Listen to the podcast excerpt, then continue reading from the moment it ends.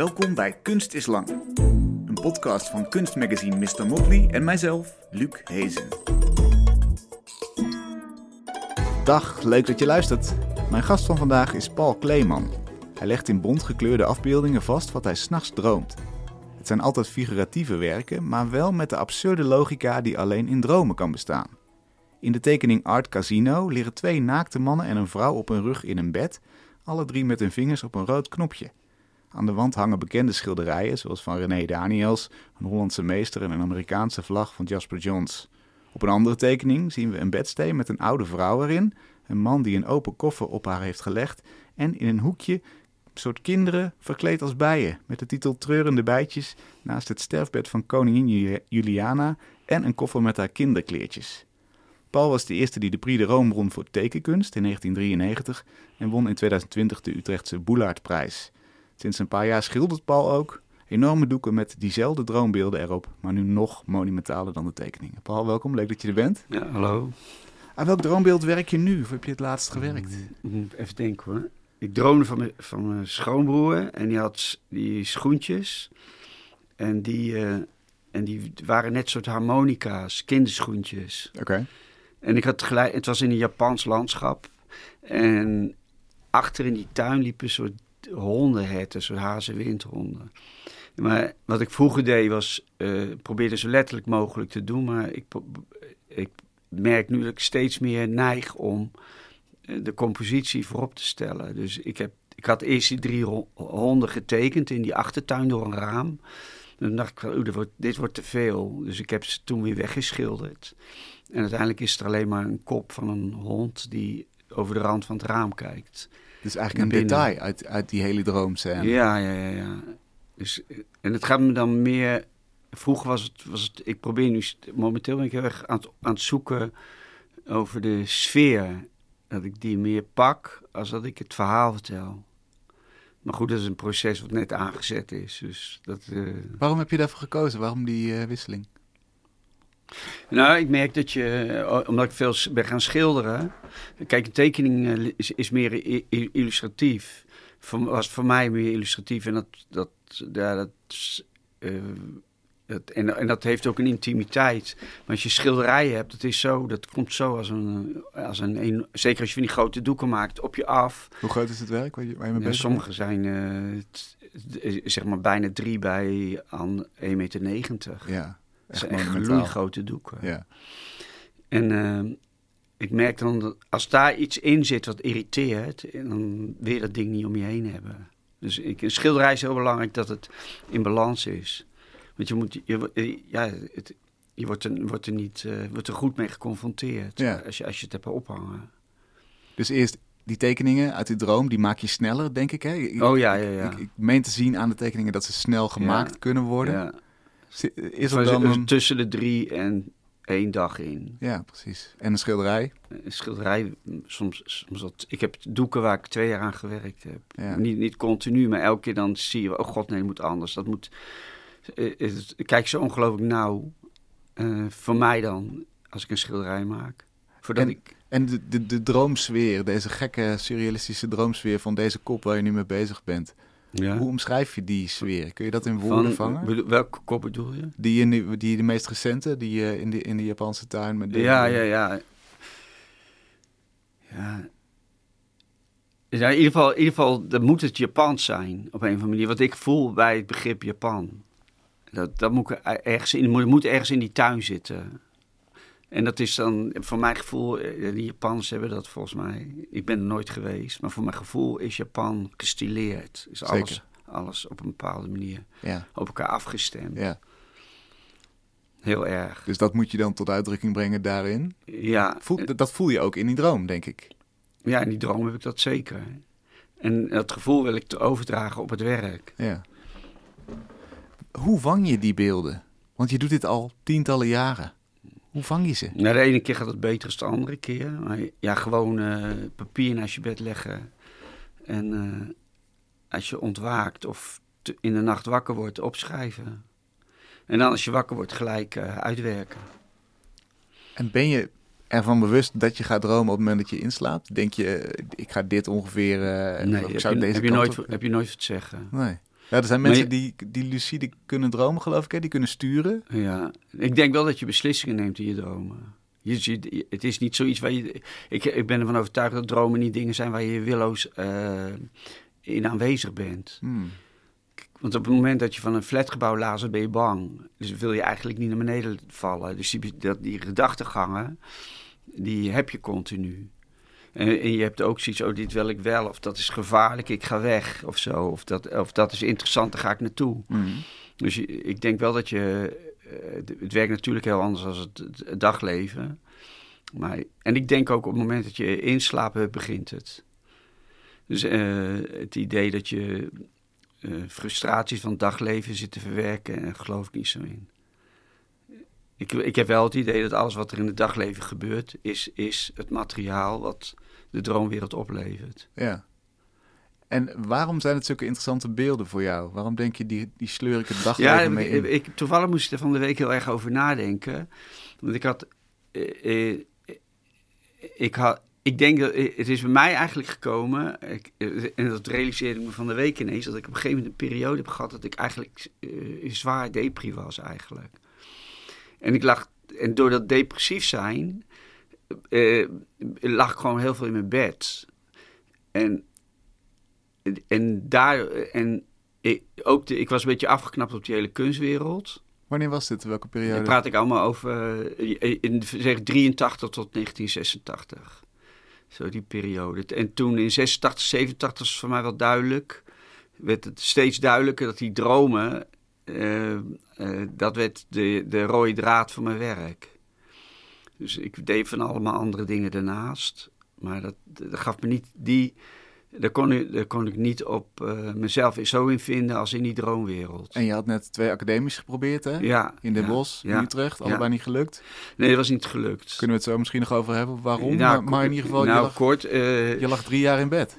Dus, als gevolg ja, daarvan. nee, er, er gebeurden ook in mijn persoonlijke leven veel dingen. Weet je wel, mijn vriend ging, ging dood toen. En dat realiseerde ik me ook ineens, dat dat zo'n ongelooflijke impact had. Uh, ik heb dat nooit dat realiseerde ik me pas eigenlijk. Dat dat eigenlijk de reden was dat ik daar zo hopeloos depri van geworden was.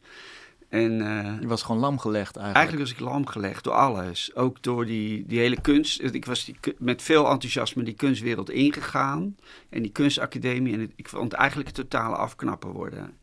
Dus, uh, dus, dat, dus al die stations stortten in.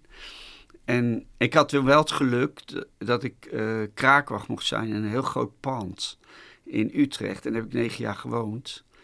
En, en ik, ik kon daardoor mijn, totaal mijn eigen wereld creëren. Totaal. Ik, was, ik, ik wilde ook eigenlijk geen ene moer met de hele wereld te maken. Dus eigenlijk is, ik realiseerde me van de week eens dat die droomwereld voor mij een totale vlucht was. Weet je wel, ik wilde eigenlijk uh, pleiten. Fijner dan de echte wereld dus, of de wakkere wereld. ik, nee, ik, ik, ja, ook dat. De wakkere wereld was, was voor mij gewoon totaal. Ik, was, ja, ik, ik realiseer me nu dat ik toen totaal uh, depri was. Maar die, die, die droomwereld, uh, ja, doen mensen die depri zijn, die gaan hun nest liggen. Maar die droomwereld, die gaf mij wel een, een, een handvat om mee bezig te zijn. En ja, zo is het gekomen. Ja. Wat zijn de eerste, weet je nog beelden uit die periode? Hoe die zijn zo depressief als de pers en zwart. Schrijf er eens een. Ja, nou ja, ik, ik, het, al die pot, het, zijn, het zijn alleen maar potloodtekeningen. Ik maakte ze echt met een stroom. Ik nu, als ik nu, ik heb die dozen liggen. Dan denk ik, het is niet normaal wat hier gebeurd is. Maar wel te gek dat ik het heb. Hmm. Dat is, dat is ook te gek als je dingen maakt. Je, je kunt ook terugschouwen hè, erop. En, maar wat ik wel eraan had, is ze zijn super expressief. Ze zijn ongeremd. Uh, uh, ook omdat ik zo in een afgesloten wereld zat. Uh, ik, ik, ik, ging ook, ik had die kunstwereld ook op een bepaalde manier achter me gegooid. En waarschijnlijk, wat ook een voordeel was, eigenlijk dat ik geen geld had in die tijd. Dus de, de beperking. Eh, ik, zat ik zat in het huis, ik had, ik had eten en drinken. En dat was een prachtig huis trouwens. Dus eigenlijk was de situatie ideaal om uh, je van de wereld af te zetten. Mm. Of om weg te zijn. Maar je had niet genoeg geld om uit te gaan of om uit eten te gaan? Nou, uitgaan soort... ik nog wel, maar ik ging niet bijvoorbeeld naar musea of galeries Ja, of al dat soort dingen. Dus dit, dat, dat was voor mij. Uh, dat gebeurde niet eigenlijk, niet veel. Dus het kwam puur uit jouw eigen hoofd. Uit mijn eigen hoofd. En ik, terwijl ik wel gefixeerd was, ik, ik was wel al heel erg geïnteresseerd in kunst. Dus ik weet, weet wel dat ik heel veel boeken eh, las en weet ik, dat soort dingen. Maar ik, ik en ik, ik ging ook nog wel liftend reizen en dat soort gedoe. Maar die, die, die kunstwereld, daar daar wilde ik eigenlijk, er was, er was eigenlijk niet eh, sprake van. En toen ik, ik zo manisch aan het werk was, met die, met die duizenden tekeningen. En toen kwam die Prix de Rome om de hoek kijken. Ja, en, en ik las dat een vriendin zei, er is een tekenwedstrijd waar je aan mee zou kunnen doen. Ja, want ik, Zo'n ik, beetje de ik wist echt niet wat het De was. belangrijkste prijs van Ja, Nederland, het prijs. niet. Echt Nee, niet. Nee. En ik heb het, ik had, eh, ik heb gewoon, eh, hoe ging het geloof ik? Is, moest, is, ja, je moest het eh, werk inleveren. Het is, ik had tien tekeningen uitgezocht uit die enorme massa. En eh, in een klein mappie en afgeleverd bij eh, de Rijksacademie, waar ik ook nooit van gehoord had. Dat was heel absurd. En toen kwam ik daar binnen en toen eh, zag ik, jezus, wat zijn hier veel mensen Ja, die hun werk ingeleverd hebben. Maar goed, en, en ik werd toen geselecteerd bij de laatste veertien. Of veertien mensen werden geselecteerd. En daar werden er toen drie uitgeselecteerd, waar ik ook bij zat. En toen had ik zoiets, oh, dit, moet je, dit moet ik winnen. en toen moest je nieuw werk inleveren. Moest nieuw werk maken, ja. moest ik drie maanden werken. Wat, wat maakte eigenlijk dat je toen dacht, toch maar weer die kunstwereld in? Nou, ik merkte gewoon dat het een. ehm, ik, ik was toen al negen jaar met een uitkering bezig. En, ik, ik- en het werd, werd een beetje te heet onder mijn voeten. Want die sociale dienst begon op een gegeven moment te zeuren van... nou, eh, zou de verpleging niks voor je zijn? Nou, ik dacht van niet. Oh ja, je moest op een gegeven moment echt gaan werken voor dus dat ik dacht, geld. zoiets, oh, ze gaan door, ik moet zo meteen wel echt eh, geld gaan verdienen. En, en, ik, en mijn af, af, ja, afkeer van de wereld was niet minder geworden. In die zin. Dus eh, ik had zoiets van, dit is een... Dit, ja, dit, dit, moet, ik- en weet je wat het was? Ik had zo onwijs veel gewerkt. Maar dat- het, het, het, het ging me door, weet je wel. En ik... Dus eh, het was eh, bijna alsof ik... Ik had het idee, ja, als ik, als ik zo doorga, word ik echt gek. het was een gevaarlijke situatie eigenlijk misschien wel. Ja, eh, eh, eh, ja, zeker. Maar ook interessant. Ja, Maar, want je, je, je, je zit continu eh, tegen het randje. Wat je, wat je, want eh, de, de, de kleppen zitten zo ver open. eh, Dat, dat, eh, ja, dat, is, dat is tegen het psychotisch aan soms. hoe, erva- hoe ervaar je dat? Kun je eens omschrijven hoe het voelde op dat randje? Wat, wat bedoel je daarmee?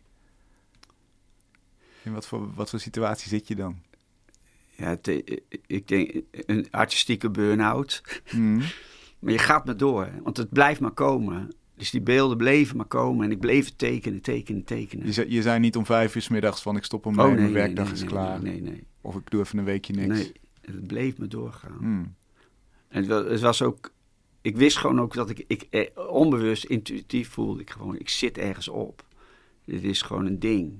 En, en het ging mij ook om, eh, en er zijn een heleboel, eh, het, is te- het duurt te, is te veel om nu te vertellen, maar ik was wel op zoek naar eh, eh, waar komen dan creatieve processen vandaan? Hoe eh, ontstaan beelden en nieuwe beelden? En ik, en ik had wel het idee van die droomwereld, dat is niet zomaar een ding. Dat is, dat is iets wat een, een hele grote rol in je leven speelt, bij ieder mens. Maar we ste- besteden er geen aandacht aan. Zeker in deze wereld waar wij nu in leven, met zo gehaast. Ja. Maar, eh, en ik kwam ook steeds meer ook informatie tegen van mensen die ontdekkingen deden of, eh, of hadden gedaan door middel van een droom. Of eh, dingen die in hun leven gebeurd waren door een droom. Die Ja. droom is zo ongelooflijk aanwezig. Ook in, in boeken, in literatuur. Het is een ongelooflijk ding. En in de beeldende kunst was natuurlijk bij die surrealisten een ding wat boven water kwam drijven. Maar ik vond, ik zag heel weinig eh, kunstenaars die het echt eh, op een ongelofelijke manier eh vastklauwden. let, letterlijk. Want je hebt dan mensen als die, die, die groep surrealisten. Als, maar Magritte bijvoorbeeld ook. Het is leuk, maar hij belde zijn vrienden op. Heb je nog, heb je nog een gek idee wat ik kan schilderen? Hmm. Het is best kalm, het is heel gestileerd. Ja, en dat deed je ook Dali eigenlijk. Sommige dingen vind ik wel krankzinnig, bijvoorbeeld die gesmolten horloges en zo. Maar heel veel dingen komen niet uit zijn eigen koken. Zeg je daarmee, ze hebben zich niet overgegeven aan die stortvloed van beelden? Ze zijn daar niet... Uh... Ze waren er niet aan toe, denk ik. Ja. En, het, en het is ook heel expliciet, hè? Uh, dromen. Dus uh, we leven nu in een veel vrijere tijd. dus dingen als seksuele dingen of religieuze zaken die hoeft hij in de jaren 30 of 20 van de vorige eeuw uh, echt niet op die manier naar buiten te brengen als dat dat nu kan. Ja. Dan had je de politie op je dak. Want ik probeer het nog even voor te stellen. Jij zit dus in een soort van zelfgebouwde kokon daar, in, Ja. in een fijn huis met, met, eh, met eten en drinken en al die beelden die voortrazen. Ja, Daar zitten heel veel duistere dingen ook wel bij. Geweld, bloed, ja, ja seks. het was, was niet mis. Dat zijn bijna, zeg maar, de, de, oerdriften zou je kunnen zeggen. De, de driften zoals die door Freud misschien omschreven Ja, en zeker omdat ik toen zo eh, bijna in een soort crisissituatie leefde. En dat ook eh, zelf gecreëerd had. Hmm. ontstond er ook in, in, dat, in dat werk. En, en er zijn natuurlijk ook andere factoren die daar een rol in gespeeld hebben, zoals je eigen leven en dat soort dingen.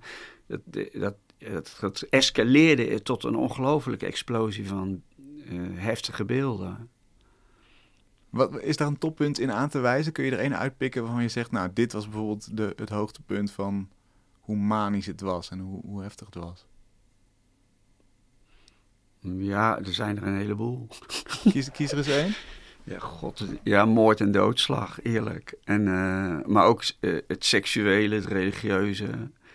eh, allemaal aspecten die op een ongelofelijke manier in, in een droomwereld, zeker als je in een crisissituatie zit, zeg maar, die, die ik wel zelf in de hand heb, op een enorme manier naar boven komt. Hmm.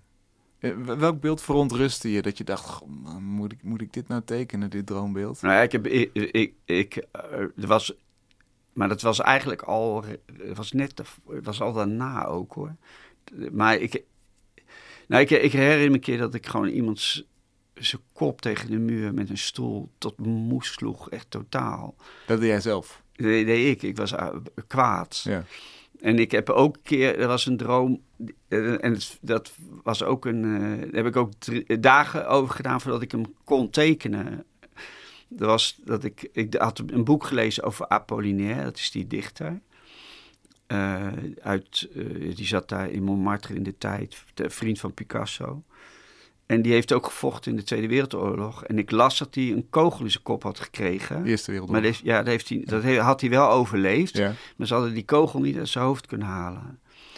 En toen droomde ik, die, toen ik dat aan het lezen was, die biografie, dat hij eh, de- daar over die puinhopen liep, ergens in zo'n stad.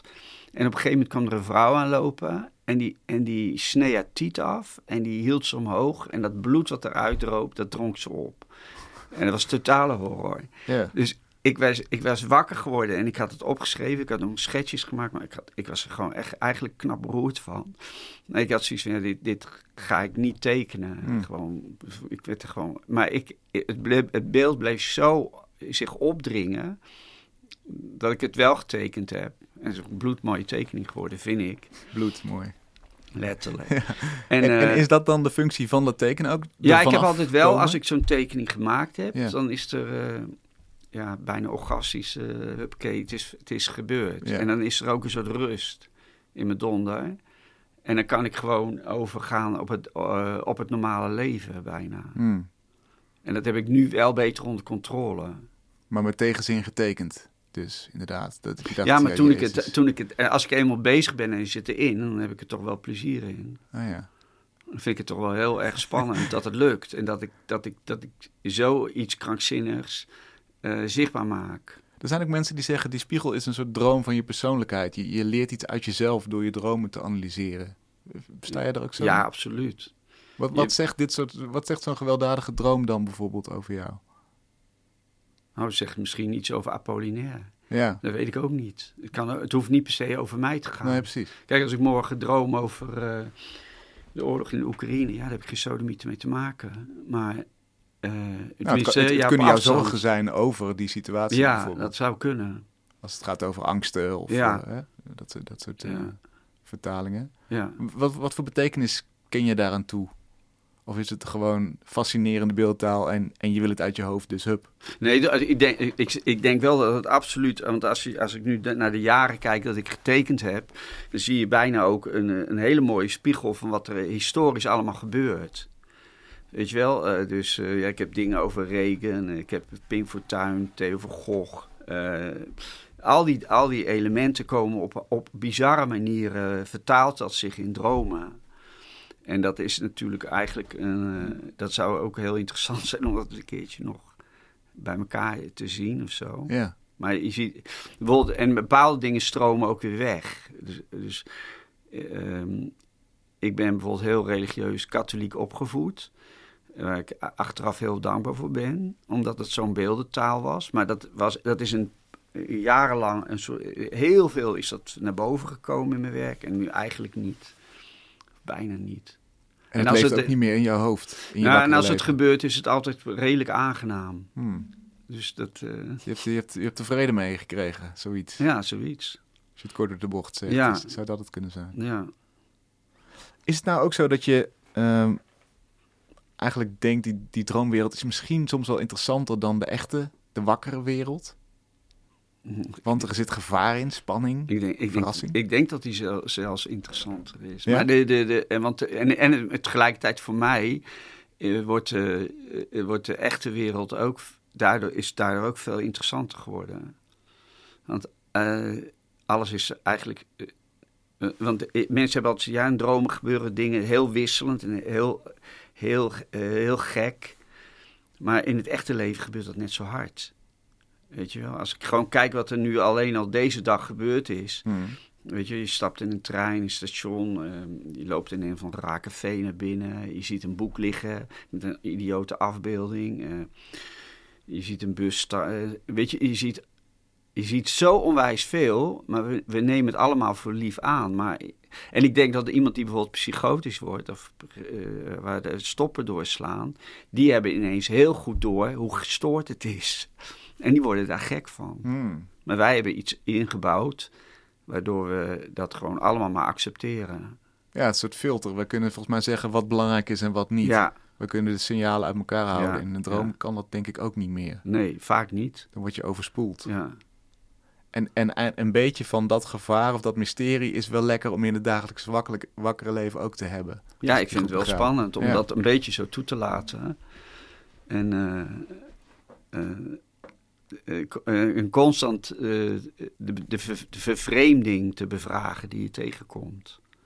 En, en, en, en het is ook heel bruikbaar. Want ik denk, alles wat je ziet en, en overal waar je je op concentreert, dat, dat, dat, dat kan gewoon in die droomwereld dan opgenomen worden. En wordt je materiaal.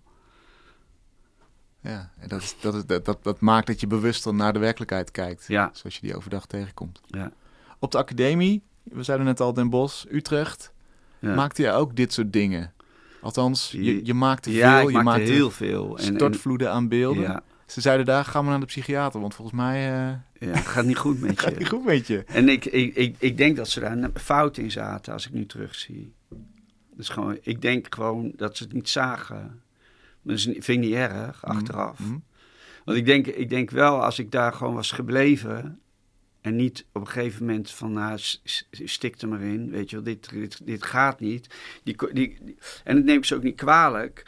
De communicatie was er gewoon niet. Mijn wat er wereld was, was niet de hunne. Ja, wat ging er mis? Vertel eens. Nou, het was, ten eerste vond ik het heel irritant. eh. nou, ik denk wel, eh, en dat zie je natuurlijk constant, dat de kunstwereld is voor, zonder dat ze het opzettelijk vaak doen, een afspiegeling van de politiek.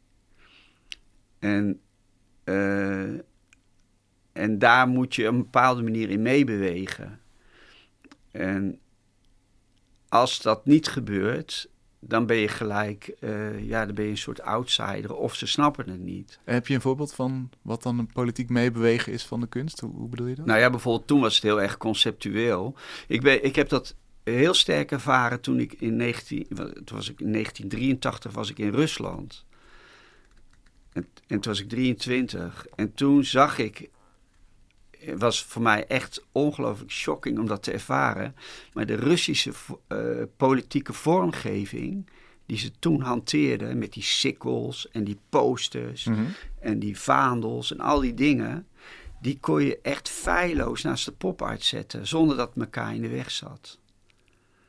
Ja, het is van dezelfde, Het was precies hetzelfde. Echt precies hetzelfde. strijdmiddelen eigenlijk. En daar was ik echt gechoqueerd over. Ik denk, goddomme, weet je wel. Dit is, die pop-art is helemaal niet zo vrij. Dat is een... eh, het, het, het is, heeft eigenlijk een bepaalde zelfde eh, basis. Ja, het is de uitdrukking van een politiek systeem Ja. eigenlijk. Het, het, moest, het moest, en dat heb ik later ook gelezen, dat toen eh, na de Tweede Wereldoorlog heeft heeft de CIA bijvoorbeeld ongelooflijk veel subsidie gegeven aan kunstenaars. En toen is dat Amerikaanse expressionisme opgekomen, want Willem de Koning kon alleen maar zijn drank betalen, maar niet zijn verf. Mhm. Totdat hij die subsidie kreeg, toen kon hij zijn verf betalen. En toen kwamen al die mensen eh, ineens. Ja. De Eh, abstracte kunst, om, om, om ja, het idee ja, van vrijheid. Pollock en Rothko en al die gasten Ja. Dat werd eigenlijk gesubsidieerde politieke manifestaties. Want de, Amerikanen hadden geen eigen stijl. Ze hadden een afgedank, een, was afgeleid van de Europese stijl. Maar toen ineens was, was er een. eh, door die subsidie was er een Amerikaanse stijl. En daardoor konden ze zich ook profileren. Want dat ze heel hard nodig om zich eh, ja, ook tegen Rusland en het communisme, wat hun grote angst was, ja, daar tegen af te te zetten. Ja. En, en hoe, hoe zie je dat, hoe zag jij dat in het klein op die academie dan gebeuren? Daar heersten blijkbaar ook regels waaraan je moest voldoen, anders was het geen goede kunst. Ja, Vertel, ja, wat, wat, waarom botste dat met wat jij maakte? Ja. Nou ja, het, was, eh, het, het moest natuurlijk. eh,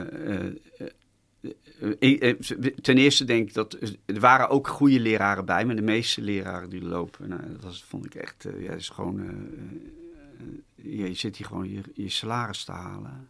Er wordt hier geen les gegeven of geen, er is geen verdieping. Hmm. En eh, wat was je vraag? Nou, wat, hoe, hoe zag je dat, dat, dat politieke aspect van die kunst? Zeg maar, hoe zag je die set van regels, of, of misschien ongeschreven regels, binnen die academie? En hoe botste dat met jouw werk? Nou ja, je, je merkte gewoon van, er waren een aantal leerlingen, die, die heb je op, volgens mij op elke academie, die het allemaal wel eh, eh, aandurven om de nieuwe dingen op te pakken of aan te nemen. Mhm. En die, maar, die, maar die botsen dan heel erg met, met, die, met, met, met, de- met de leraren. Ik denk dat dat op elke academie plaatsvindt. En ik, ik, heb daar, ik, had daar, ik had dat heel sterk, vol- volgens mij.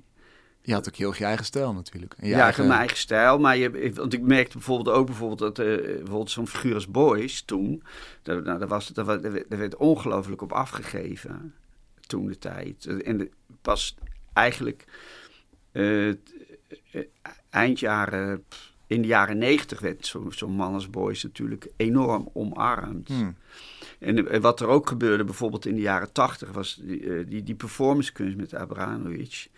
Die, die, die, die, die, die begon toen ook binnen die academies met de videokunst binnen te komen. Maar de leraren zelf hadden, hadden daar geen grip op. Die zaten nog in de conceptuelere. Ja, die zaten nog allemaal een Beelden. beetje in het... Ik had, ik, had, ik had leraren lopen die nog les hadden gehad van mensen van Bau- Bauhaus, weet je wel. Dus, dus die, die- daar zat hun hoofd bij Kandinsky. Juist, ja, ja. Ja, en dan is het nogal een verschil tussen, tussen de tekeningen die jij maakte. Had je die op, die op dat moment ook al op die manier Ja, het was snel wel... getekend, Ja, droombeeldig? ja, Ja? ja. En ik weet nog dat... Ik, ja, voor, voor mij was een openbaring het werk van Cucci, Clemente en Kia. Die drie. Dat heb ik toen... eh, Omschrijf het vooral voor mensen die eh, Cookie, niet, eh, die vond ik helemaal... Er zijn drie Italianen. ja. En je had natuurlijk de Duitse wilde, maar die drie Italianen die, die tekenden heel figuratief op een, en op een hele makkelijke manier. Op een dus of het nou klopt of niet, maar het, en vooral bij Cookie eh, voelde ik die noodzaak. En, er zat ook, en, en wat ik ook leuk vond aan Cookie, is dat hij zich. ehm, eh, hij zei: Je moet. De, de, de boor- geboortegrond waar je geboren bent, dat speelt een hele grote rol. Dat moet je omarmen. want, eh, even kijken. Cookie, Clemente en Kia bijvoorbeeld, die ging naar Amerika. En dat, eh, dat vond hij een verraad van, van zijn Italiaanse roots. Hmm.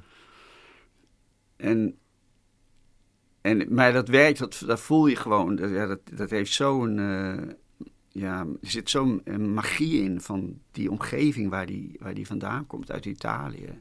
Dat is prachtig werk. En daar voelde jij je veel meer bij Ja, thuis. ik, toen ik dat zag, was ik gewoon. Was ik, ja, vond verpletterend goed. En ik had zoiets van. Eh, maar dat kan ik ook. Dan- Want ik was altijd aan het twijfelen: wat, is het wel goed wat ik doe? Hmm. En aan wat voor voorwaarden moet het voldoen? En welke eisen moet het voldoen? En daar, daar- dat, dat moet je uitzoeken. En toen ik dat gezien had van, eh, van die cookies, had ik, toen- was het voor mij eh, duidelijk. Ja, toen hoefde die academisch niet meer. Eigenlijk ook niet meer. Nee, maar ik wist gewoon van, oh, ik kan het. Ik Ja. kan het. Gewoon, en nu heb ik een weg gevonden. En, en toen heb ik die droomwereld gepakt. En ik heb er later ook nog bedacht dat ik ben geboren in het hartje van Utrecht. Want Moesman woonde bij mij eigenlijk om de hoek. Dat was toen al een oude man. Die woonde op de Neude en ik woonde twee straten verderop. Ja, Utrecht is toch een surrealistische stad. Ja, En dat, dat is toch wat, wat ik ook in mijn, in mijn donder voel. dat is de, de Utrechtse Ja, die surrealist Utrechtse ziel. eigenlijk. Hè? Ja. Ja, ja, ja. Het, Omschrijf misschien even nog voor mensen die Moesman niet kennen, wat voor werk maakt hij? ja, het is heel. Ik, ik vind het echt. Hij heeft ongelooflijk veel lef gehad, vind ik. Het is heel seksueel, maar ook weer heel geheimzinnig. En, en, het, en het heeft ook een beklemming, een, een goede manier. Maar ook een bepaalde vrijheid zit erin. Dus hij bijvoorbeeld dat, dat beroemde schilderij van die naakte vrouw met een viool achter op de fiets, die door de stad fietst. Hmm. Ja, dat vind ik gewoon krankzinnig vrijheidsbeeld. Ja. Vind ik heel goed. Op een bepaalde manier ben jij een outsider in de kunst, omdat je geen diploma hebt. Ja, En ik maak dat bruggetje omdat je ook een eh, jurylid bent voor de Special Awards, een Ja. prijs voor outsider kunstenaars. Eh, in dit geval kunstenaars met een beperking, maar ja, Ja. outsider wordt natuurlijk breder ook, dus inderdaad door mensen die geen diploma hebben ja. van een academie, zo wordt het ook gezien. Voel jij je verwant met die outsider kunst? Nou, wat ik wel mooi vind aan outsiders is de noodzaak. dus eh, het zijn vaak mensen die ook psychisch eh, aan het randje zitten of er al overheen zijn. Hm? En dan, eh, ja, of je kan van de brug springen, of je gaat gewoon je uiten. En dat kan natuurlijk zijn dat je de boel kort en klein slaat, maar het kan ook bij, bij sommige, heel veel mensen kan het ook zo zijn dat ze dan de, de wereld van de gekte die ze ervaren kunnen vertalen in prachtige dingen. Of ho- hoeft niet eens prachtig te zijn, maar dat het de waarheid is. Ja. En die, en die hebben niet. eh, ja, dat, die, die grenzeloosheid, en, maar tegelijkertijd ook die dwangmatigheid. Want het, ze moeten het doen, want anders, gaan ze, anders trekken ze het niet. ja, moet eruit. De, ja. En dat, dat, er zitten ge- ongelooflijk goede mensen tussen. En dat komt dichtbij wat jij net omschreef, Ja, wa- wat je in jezelf gekozen Ja. had. Ja. Eh, Het is zo eh, interessant dat, dat er is nu in de huidige kunstwereld een grote roep om, om diverser te worden. ja, Ook voor outsiders. Hè. Jan Hoek laatst nog in NRC. ja, Die zei Stedelijk Museum, pak eens door met die inclusie en ja. breng ook outsiders daarin. Ja. Het politieke aspect waar je het net over had, is dat? Vind je dat een goede zaak? Eh, Zou dat zo moeten? Ja, de vraag. Ik, ik, ik, ja, weet je, eh, ik, ik vind het heel moeilijk. eh, omdat. eh, eh, want je weet niet wat. eh, wat het met mensen doet als ze die aandacht krijgen. Maar aan de andere kant denk ik van ja, als ze geen aandacht krijgen, gaan ze, eh, gaan ze er ook misschien aan onderdoor. Want bij mij heeft het wel gewerkt. Ja. Toen ik, die, toen ik, toen ik weer uit, uit, uit dat isolement getrokken werd, dat heeft me wel ergens gebracht. Door die Prix Ja. te winnen. Ja. Dus want, ja, bijvoorbeeld, eh, ik vind bijvoorbeeld eh, te gek voor woorden dat, bijvoorbeeld, eh, dat er niet permanent een werk bijvoorbeeld van Willem van Genk in het stedelijk hangt. Dat vind ik echt onbe- onbegrijpelijk. Ja. Of, dat is zo ongelooflijk goed. En ja, en, dan- en dan kun je wel zeggen, ja, hij, hij kan, hij was gek of niet gek, weet ik veel. Maar het is zo ongelooflijk mooi werk. Ja. En ik denk dat het maar goed, ik, ik denk wel dat dit is niet meer te houden. Dit gaat wel gebeuren. Hmm. Dus ik kan ervan vinden wat ik wil. Maar ik denk dat ze die outsiders op een gegeven moment toch gaan oppikken. En, en er zitten natuurlijk ook heel veel kunstenaars die nu in het circuit zitten. Die, die vroeger werden afgespiegeld als uh, een totaal krankjoren. Ja. Maar vind je dat een goede zaak? Want aan de ene kant hebben zij toegang nu tot die kunstwereld, die ivoren toren van de kunstwereld. Dat, dat zou je goed kunnen noemen. Ik proef ook een beetje in jouw reactie dat je zegt, ja, misschien uh, verpest het iets. Je zet er licht op, je haalt het. Ja, je, ik denk dat de kans bestaat dat, dat, uh, er zijn mensen die dat niet aankunnen, denk ik. Ja. Maar het hou je toch niet tegen. Als ze, als ze geld ruiken, dan. Uh, ja, precies. Dan is het, is het hek van de dam. Oh ja, dus dat, zit, ja, dat, dat zou de motivatie voor de kunstenaar zelf dan ja, bijvoorbeeld in Amerika is het al een big business. Ja. Echt. Het gaat ongelooflijke bedragen. Dus... En, en, interessant hier ook, je had het net over het politieke aspect van kunst. Dit is natuurlijk ook wat, ja, wat, wat we nu in ieder geval in linkse kringen, wat toch heel veel, heel veel eh, ja. een groot deel van de kunstwereld uitmaakt, vinden als zijnde goed. Inclusie en diversiteit. Dat zijn waarden die ook wel deels door de politiek op de kunstwereld worden gelegd. Van, ga je hier naar plooien? Zorg dat dit meer uh, gerealiseerd wordt binnen jullie instellingen. Ja, ja, ik, het blijft. Ik, ik, ik, er zijn op dit moment gewoon heel. Dat, dat die, die politiek zo geïnfiltreerd wordt in die, in die kunstwereld. Ja, dat is altijd, altijd gebeurd, ook onbewust en bewust. Maar uh, ja, ik word er niet gelukkiger van. Hmm. Ik merk ook dat het me. Uh, ik, wil, ik wil als ik kunst zie, of, uh, maar dat kan ook weer een politieke stellingname zijn, dan wil ik me vrij voelen.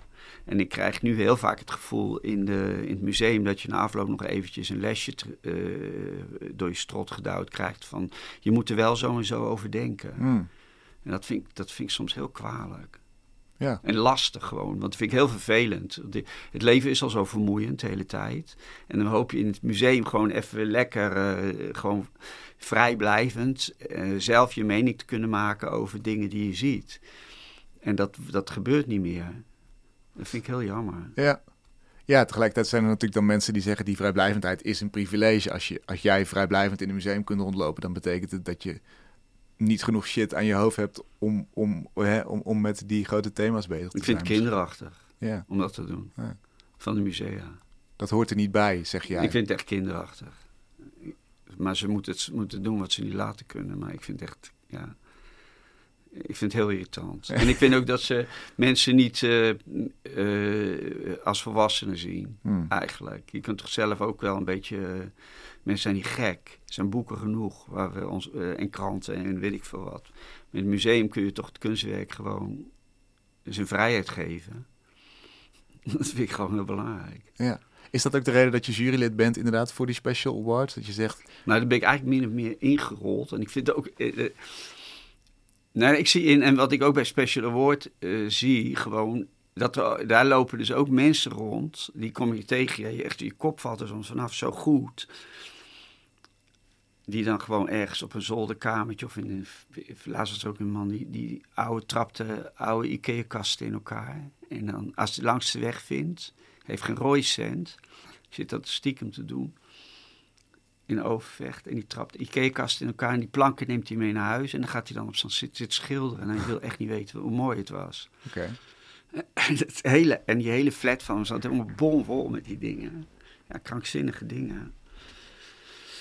Uh, ja, ik denk, ik, ik, ik, ik, ik denk wel van, ja, dat zou toch... Uh,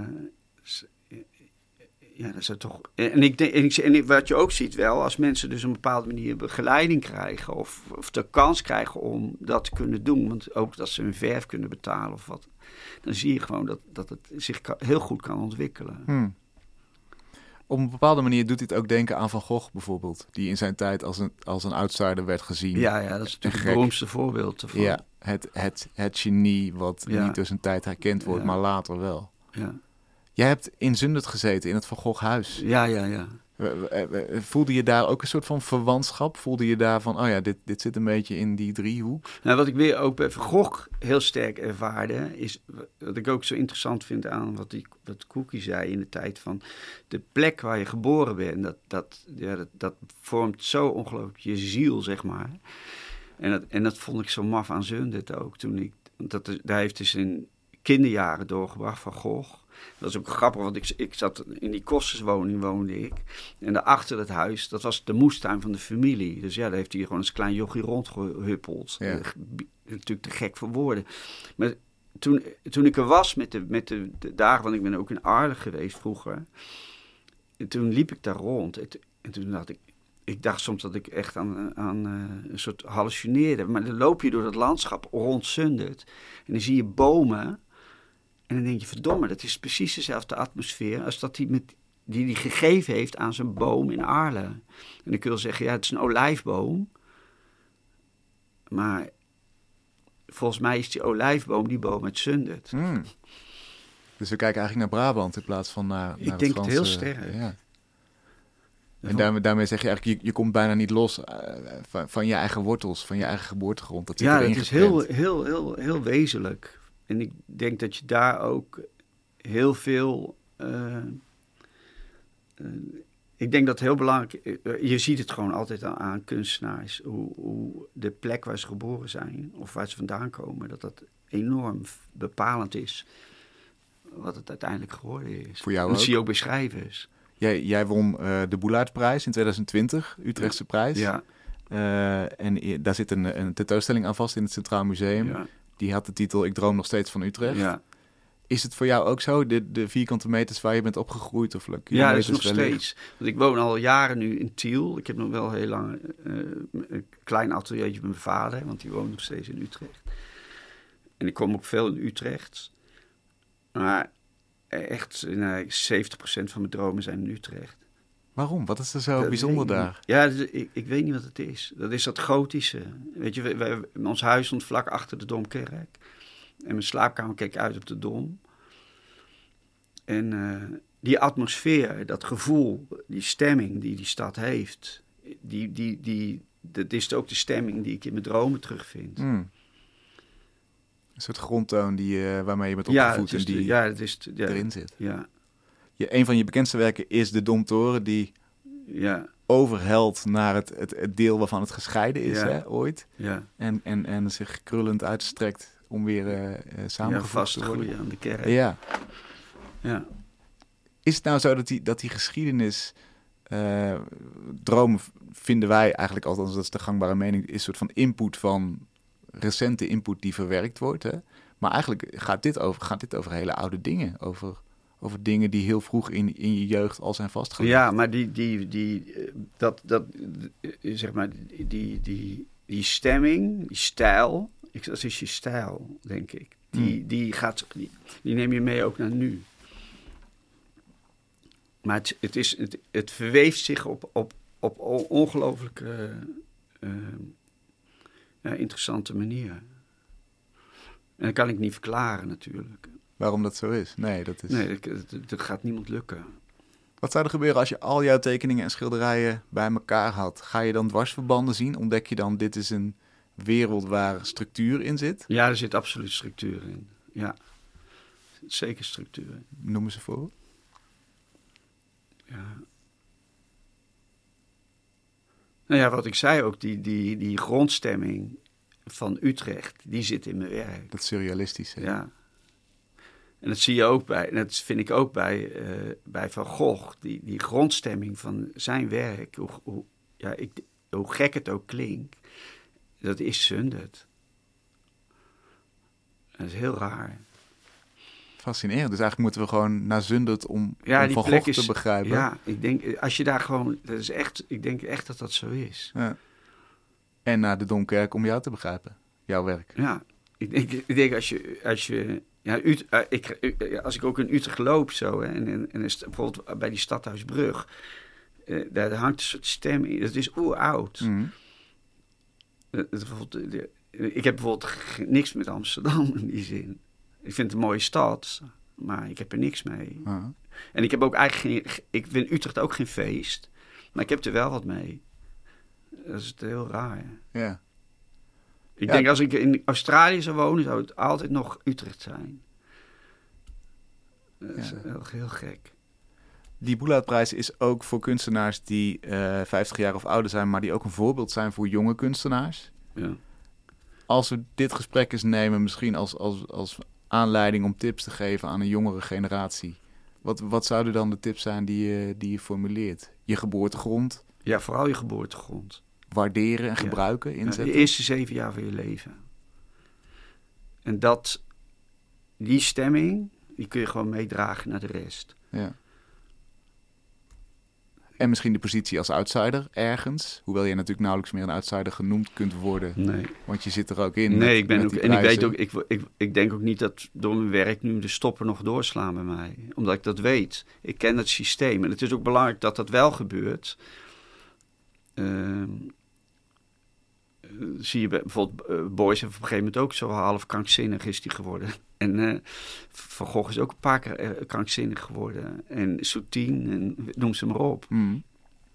Want, en dat, dat, is, dat is gewoon iets wat je als kunstenaar moet aangaan. Ik denk dat dat heel spannend is. Ja, precies. Dus voor goede kunst moet je, moet je het randje opzoeken. Ook Ja, van je eigen wel, mentale ja. gezondheid. Ja. En nog een les? Het- nou ja, wel op tijd ophouden. ja, precies. Zorg dat het je niet helemaal overneemt. Nee. Maar hoe doe je dat dan? Want, want hoe balanceer je op die rand? ja, ik denk, een paar mensen, er zijn ook mensen die het niet redden. Ja. Maar dat is met iedereen het leven. Waarom heb jij het wel gered? Kun je aanwijzen waarom dat gelukt is? Eh, dat is passie, denk ik. Dat je eh, passie hebt voor datgene wat je doet. Hmm. En wat maakte het dat je niet over het randje ging? Dat je niet compleet gek bent en... en, en eh, Maar ja, het, het gaf me toch eh, een enorme voldoening dat het er was. En, en, je- en, en, en er was ergens diep in mij een soort vertrouwen dat het, dat het wel goed zou komen. ja, dat is dan nog fijn om te hebben Ja. inderdaad. En het is, het is goed gekomen, want je won die, die, ja, teken- gewoon die door, tekenwedstrijd. en ik denk ook gewoon doorgaan, blijven doorgaan. Want dat, die, die, dat is ook zoiets. Je, je, je kan wel zeggen van, nou ja, ik vind mooie muziek. En, die- en als je piano wil spelen, ja, dan zou je toch heel lang moeten oefenen. Dus net zoals met tekenen en dat soort dingen. Je moet, je moet gewoon heel veel doen. En door, gewoon doorgaan, stom doorgaan. Je bent met schilderijen begonnen een aantal Ja. jaar geleden. Ja. Is, is dat de nieuwe richting? Nou, niet alleen. Ik teken nog steeds heel Teken nog veel. steeds. Ik weet niet hoe het loopt verder. Ik ben, eh, maar ik ben nog, ik, ik ben nog. Het raar is gewoon van, je voelt, oh, de tijd is ook beperkt. Dus ik, ja, ik, ik, ik- dat harde werken, dat is toch een ding wat ik blijf doen. Dat vind ik, ik vind het toch geweldig. Fantastisch. Ja, Blijf daarmee doorgaan. ja doe ik. En eh, ik, komt er nog een grote tentoonstelling aan? Nou ja, ik heb er net een heleboel gehad. Dus Ja. ik wil nu gewoon een tijd werken. En, en eh, wat ik wel heel leuk vind, is dat ik had, ik had vorige week contact met eh, eh, de directeur Ron Derven van het, eh, het Van Gogh Huis. En misschien dat we daar volgend jaar een grote tentoonstelling gaan doen met Cedric de Bals, is een kunstenaar uit Den Haag. En we willen samen daar een tentoonstelling gaan doen. Maar dat is allemaal nog in stijgers, dus daar kan ik nog, nog niets duidelijks over zeggen. Maar ik hoop dat dat eigenlijk wel doorgaat. Ja. Dus ik wil toch, ja, daar gaan, we, daar gaan we voor. Dankjewel. en ik ga nog thuis een expositie doen in mei, want ik heb een mooie hal bij mijn huis. Maar voor de rest heb ik geen plannen op dit moment. Hoe kunnen we daarvan op de hoogte blijven? Via mijn website. Paul Kleeman En, eh, en Instagram ga ik het ook, eh, en Instagram. vooral Instagram. Dat Da- is het ding. Dankjewel. Blijf doorgaan en dank voor je adviezen en je verhaal. Oké, dankjewel. Tot zover Kunst is Lang voor deze week. We zijn er volgende week weer. Tot dan.